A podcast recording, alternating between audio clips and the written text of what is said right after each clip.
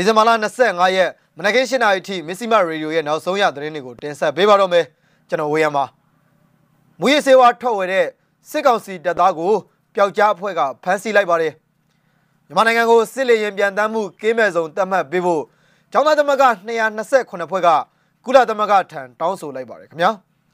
အာရှလမ်းမကြီးမှာစစ်ကောင်စီတပ်ရင်နှန်းမိုင်းဆွဲခံရတယ်ဆိုတဲ့ပုံအမားရဲ့အကြောင်းကိုလည်းပြောပြပေးမှာပါဒီသတင်းတွေနဲ့အတူဒီကနေ့မနက်ပိုင်း8:00နာရီထိ နောက်ဆုံးရရှိတဲ့သတင်းတွေကိုတင်ဆက်ပေးမှာပါခင်ဗျာ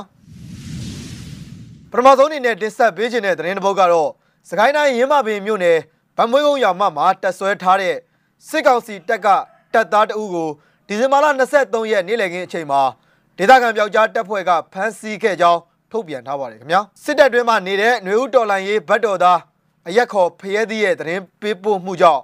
မူရည်စေးထွက်ဝဲတဲ့အဲ့ဒီတပ်သားကိုဖမ်းဆီးခဲ့တာဖြစ်ကြောင်း ချုံမိုင်မိုင်ရင်းမပင်ကနီမဟာမိတ်အဖွဲ့တာဝန်ရှိသူတူကပြောပါတယ်ခင်ဗျာဗန်မွေးရွာမထဲမှာတက်ဆွဲရာကနေမူရည်စေးသုံးညင်လို့ခိုးထွက်ပြီးတွားဝယ်တဲ့အပြန်မှာ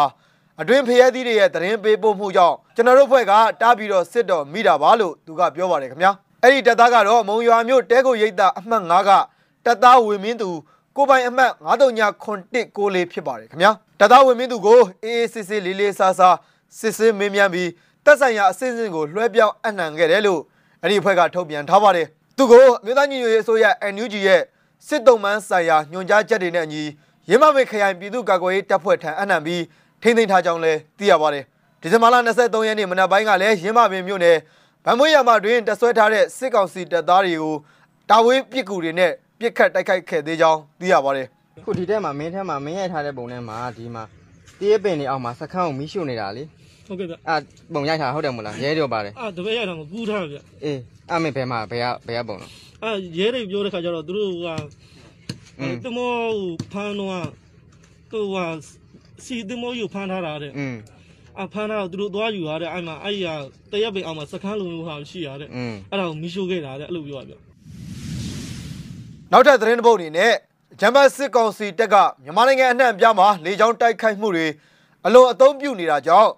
အပြစ်မဲ့ပြည်သူတွေအသက်ဆုံးရှုံးတာတွေစစ်ဘေးဒုက္ခရောက်ချင်းတွေကြောင့်မြန်မာတိုင်းနိုင်ငံလုံးအတိုင်းအတာအနေနဲ့စစ်ဘက်ဆိုင်ရာလေကြောင်းပြန်တမ်းမှုကင်းမဲ့ဆုံးအဖြစ်နဲ့သတ်မှတ်ပေးဖို့မြန်မာနိုင်ငံမှာရှိတဲ့အကြောင်းသားသမဂ္ဂ228ဖွဲ့ကကမ္ဘာကုလသမဂ္ဂကိုစာပေးဖို့တောင်းဆိုလိုက်တယ်လို့သိရပါတယ်ကုလသမဂ္ဂကိုပေးပို့တဲ့စာမှာစကိုင်းတိုင်းဒေသကြီးကလေးမျိုးနဲ့ဂရင်းပြည်နယ်လေးကေကောင်မြို့တစ်တို့မှာအကြမ်းဖက်စစ်ကောင်စီကအပြစ်မဲ့ပြည်သူတွေအပေါ်ဝဟင်ကနေဘုံကျဲတိုက်ခိုက်တာတွေပြုလုပ်နေကြောင်း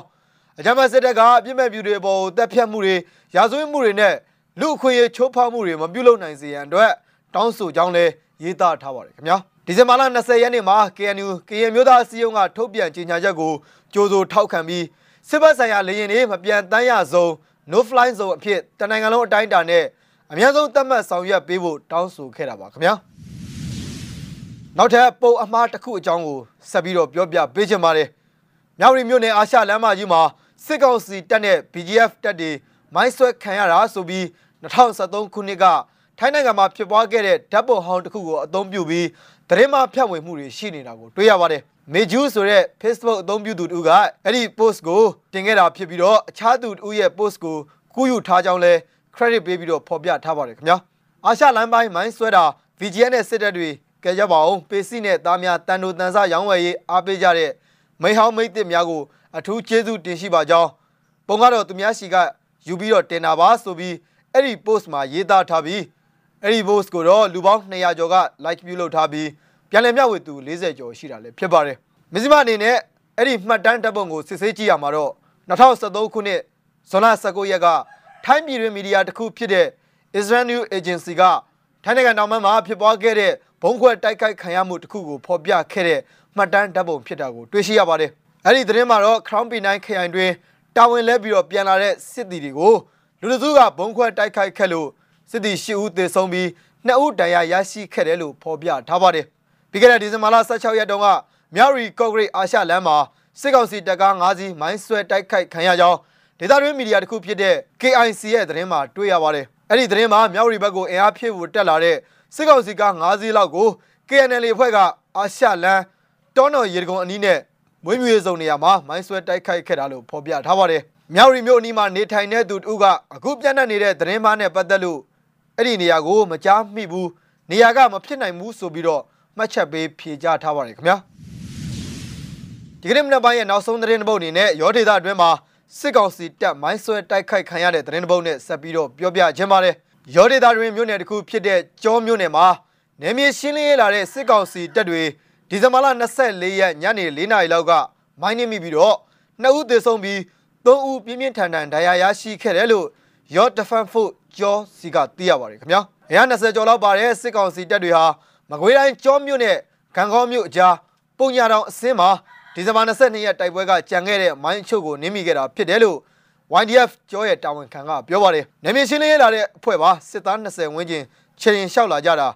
20ရက်နေ့ကကျွန်တော်တို့ထောင်ထားတဲ့လက်ကြံမိုင်းနင်းမိတာပါလို့သူကပြောပါတယ်။ကျောမြို့နယ်မှာစစ်ကောင်စီနဲ့ PDF တွေမကြာခဏဆိုသလိုတိုက်ပွဲဖြစ်ပွားနေပြီးတော့ပြီးခဲ့တဲ့ဒီဇင်ဘာလ22ရက်နေ့လည်ခင်း3နာရီလောက်ကလည်းမကွေးတိုင်းကံကောမြို့နယ်ကျောမြို့နယ်ကံကောမြို့အကြားပုံညာတောင်အစင်းမှာစစ်ကား24စီးကို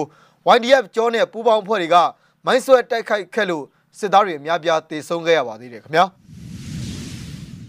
ဒီဇင်ဘာလ25ရက်မနက်ခင်း7:00နာရီထိ မီဇီမရေဒီယိုရဲ့နောက်ဆုံးရသတင်းတွေကိုတင်ဆက်ပေးခဲ့တာပါ